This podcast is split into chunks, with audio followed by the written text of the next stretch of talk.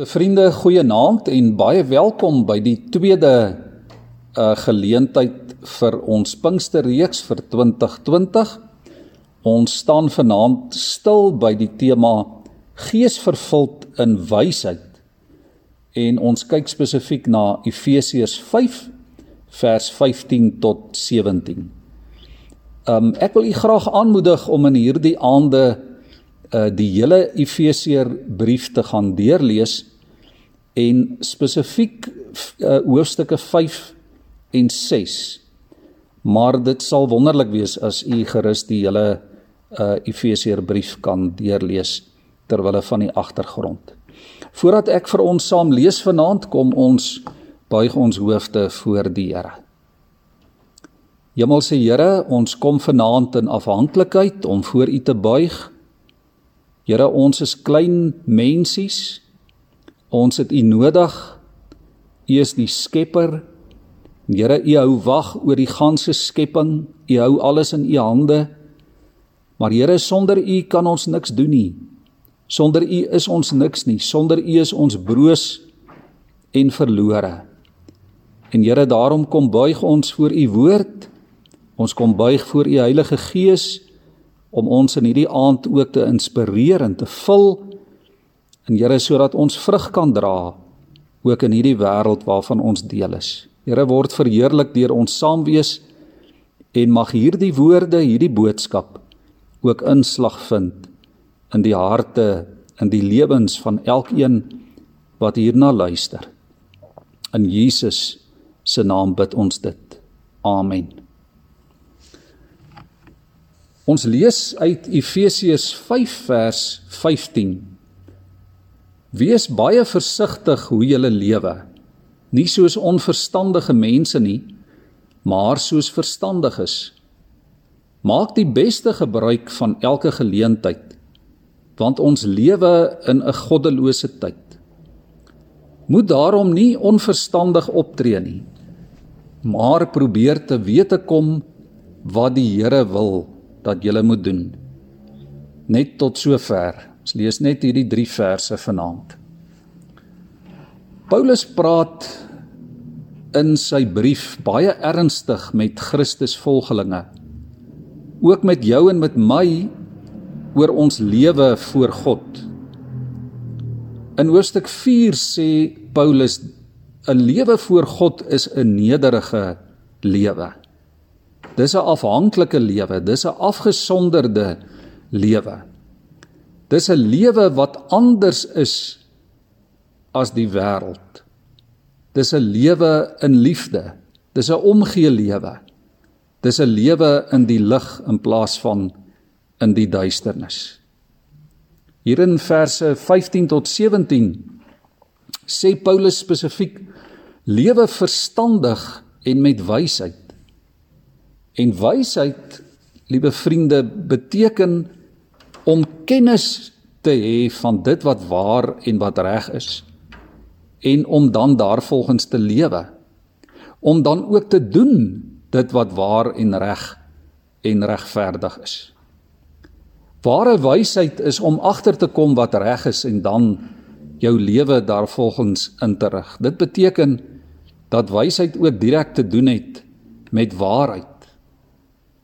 In die Bybel beteken dit om die wil van God in sy woord te ontdek en om die begeerte te hê om die wil van God uit te leef. Paulus sê dis hier: Wees gehoorsaam aan die Here se woord in jou daaglikse lewe. Hoor God se stem in sy woord en leef sy woord prakties uit in alles wat jy doen. Dit is Bybelse en goddelike wysheid. En vanaand kan ons weet God se woord is die waarheid. Ons kan vanaand weet dat ons God se woord kan vertrou. Dat ons God op sy woord kan neem. Dat God se woord die moeite werd is om te aanvaar as die roetekaart, die padkaart, die GPS vir ons lewe. God se woord is 'n doelmatige woord. Dit help jou om koers te hou. Vers 15 sê: Wees baie versigtig hoe jy lewe. Wysheid beteken ook om versigtig te wees, om fyn ingestel en sensitief te wees in die manier hoe ons lewe. Dit laat my sommer dink aan iemand wat hoog in die lug op 'n styf gespande kabel loop. So iemand is fyn ingestel. Hy of sy is presies gefokus op waar hy elke keer sy voet neersit. Die kleinste afwyking, die kleinste misrekening kan jou baie seer laat val. Dit kan selfs jou dood beteken. As volgelinge van Christus moet ons fyn let op elke tree wat ons in hierdie wêreld gee. Anders beland ons in die valstrik van die vyand. 1 Petrus 5 vers 8 sê: Die vyand wag dat jy en ek 'n voet verkeerd sit. Hy stel strikke. Hy vertel leuns om ons verhouding met God te vertroebel. En daarom, liewe vriende, wees baie versigtig. Leef soos verstandige mense. Leef soos mense met wysheid wat vashou aan die waarheid. As ons kyk na die wêreld rondom ons en ons dink oor die tyd en die omstandighede waarin ons leef en waarvan ons ook deel is, dan leef die wêreld dikwels onverstandig. Die wêreld strompel rond in die donker. Die wêreld gee nie om waar hulle die volgende voet neersit nie. Maar Paulus sê kinders van God is anders. Volgelinge van Christus is gered tot die ware lewe. Volgelinge van Jesus het die gees van God en die lig van die woord van God. Jy hoef nie rond te strompel soos 'n blinde nie. God wil jou toerus om presies te sien en te weet waarheen jy op pad is spesifiek ook in jou geestelike lewe. Jy kan elke tree gee presies waar God wil hê jy dit moet gee. En dit bring jou ook nader aan God. Hoor 'n bietjie wat skryf Johannes vir Christene oor die waarheid. In 1 Johannes 2 vers 20 sê hy: "Julle is deur die Gees gesalf en julle ken almal die waarheid. Ek skryf vir julle juis omdat julle die waarheid ken en omdat julle weet dat daar geen leuen uit die waarheid voortkom nie. En in vers 27 Die Gees waarmee julle gesalf is, bly in julle. En julle het niemand anders nodig om julle te leer nie, want die Gees van Christus leer julle alles. En wat hy julle leer, is die waarheid en geen leuen nie. Soos hy julle geleer het, moet julle in die seën bly. Liewe vriende, hoor ons dit mooi vanaand.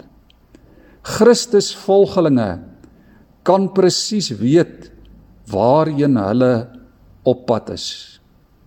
Mense wat hulle oë, hulle aandag fokus op Jesus, fokus op sy voetspore, fokus op sy woorde, vashou aan sy voorbeeld kan presies weet waarheen hulle op pad is. Die Gees van God gee ook vir ons onderskeidingsvermoë.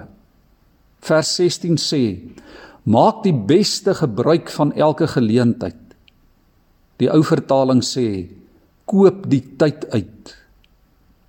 Nou in Paulus se tyd en dit is baie interessant, het dit verwys na die loskoop van 'n slaaf sodat die slaaf vry kon wees.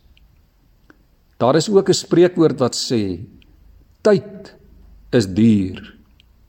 Veral in hierdie moderne wêreld waarin ons ons lewe. Jy en ek weet dat tyd is geld. Groot maatskappye en besighede en die ekonomie verloor waarde as tyd nie reg benut kan word nie. Ons praat ook soms van verspeelde tyd. En so moet Christus volgelinge, jy en ek die tyd wat ons hier op aarde het gebruik, hierdie klein venstertjie van tyd om God te dien. 1 Petrus 1 vers 17 sê: Aangesien julle hom as Vader aanroep, lewe dan in eerbied vir hom gedurende die tyd van julle vreemdelingskap in die wêreld.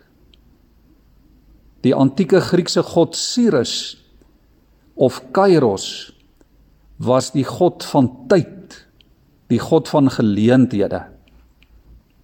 En hierdie Griekse god Cyrus is uitgebeeld as 'n aantreklike jong man wat nooit oud word nie. Aan sy voete was daar vlerke. Aan sy voorkop was daar 'n lang lok hare en sy agterkop was heeltemal kaal. En volgens die legendes is daar vir Cyrus gevra: "Wie is jy?" En toe antwoord hy: "My naam is geleentheid." Ek het vlerke aan my voete sodat ek vinnig en geruisloos kan wegvlieg. Ek het 'n lang lok aan my voorkop sodat mense my kan aangryp as ek naby is en my agterkop is kaal sodat niemand my in die hande kan kry as ek eers verby is nie. Geleenthede, liewe vriende, kom soms net een keer in 'n lewenstyd. En dikwels is dit vinnig verby. Soos die lewe in God se waarheid, die lewe van wysheid hier op aarde 'n geleentheid. Jakobus 4 vers 14 sê: Ons weet nie eers hoe ons lewe môre sal wees nie. Ons is elkeen maar 'n damp wat 'n oomblikie verskyn en sommer weer verdwyn.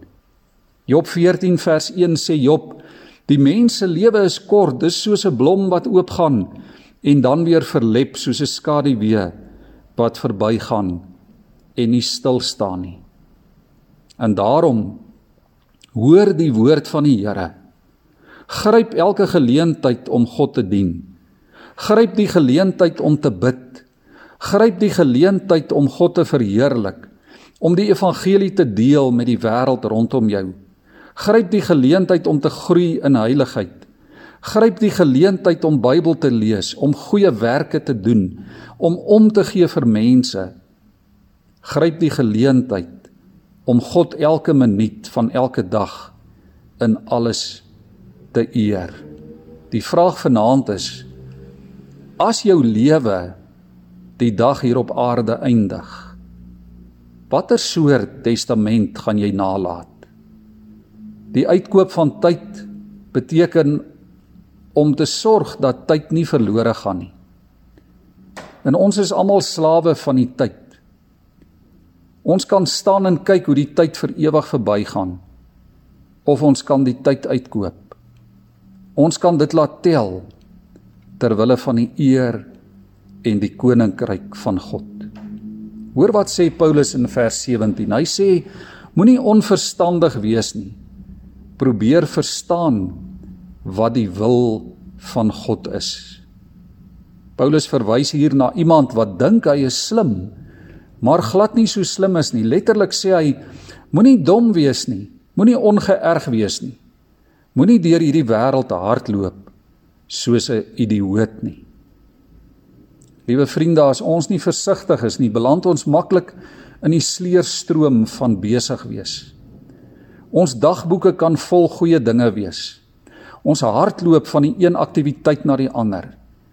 Dit wat regtig saak maak, mis ons so maklik. En God het ons nie geskep, hy het ons nie gered om so gejaag te lewe nie. Kalenders, slimfone, Fitbits, e-posse, skedules beheer so maklik ons lewens dat ons nie meer tyd het om die skepende en die herskepende God te ervaar nie. Paulus se raad is dat jy en ek sal stil word. Dat jy sal gaan stil staan langs die pad van die lewe. Dat jy regtig sal probeer verstaan wat God se wil is. En God se wil kry ons tog die heel duidelikste in sy geskrewe woord. Ons sien God se wil die duidelikste in sy vleesgeworde woord in Jesus Christus die Here. Pas die spoed van jou lewe aan om sy woord te leer ken. Pas die spoed van jou lewe aan om oor God en sy woord en sy waarheid te mediteer en dit te verstaan. Maak tyd vir die ewige waarheid, vir die wysheid van die woord voordat die lewe so sand deur jou vingers gly. Dit sal dwaas wees, liewe vriende, om jou kinders skool toe te stuur om hulle te laat leer, maar jy maak nie tyd om hulle die waarhede te leer in die boek geskryf deur die Skepper van die heelal nie. Dit sal hartseer wees as jy jou kind universiteit toe stuur om onderrig te word in menslike waarhede en hulle verlaat jou huis ongeërg oor die woord van God. As ons God se woord hoor, dan hoor ons vir God self. Sy woord is foutloos, dis ewig, dis geïnspireer. Dis kos vir ons siele. Daarom moet ons dit so gereeld as moontlik lees. As jy vanaand 'n Bybel het en jy kan lees, het jy geen verskoning om ongeërg te wees oor die woord nie. Waarskynlik is dit die rede vir die probleme in ons wêreld. Dat diegene wat weet wat goddelike wysheid en waarheid is, nie daarvolgens lewe nie. In God se woord is daar vrede. Daar is hoop en krag. En as ons daaraan vashou, sal ons weet hoe om in hierdie wêreld te leef en wat om te doen. Dit sal ons help om nie geestelik afgestomp te raak nie, om nie dwaas te wees nie. Dit sal jou oë oopmaak om die strategie van die vyand raak te sien en om die regte keuses te maak. As jy 'n Bybel het, lees dit. Leer dit. Wees lief daarvoor en lewe dit. Dit sal jou help om lig te wees in 'n donker wêreld en om die lewe aan te gryp as 'n geleentheid om God te eer en te dien. Amen. Jy is baie welkom om vir 'n paar oomblikke saam te dink en te gesels oor die volgende. Uh kom ons dink oor die stelling ons kan God nie dien sonder sy woord nie. Sou u daarmee saamstem of daarvan verskil? Kom ons gesels 'n bietjie daaroor in die groep of dink ten minste as u dalk 'n individu is.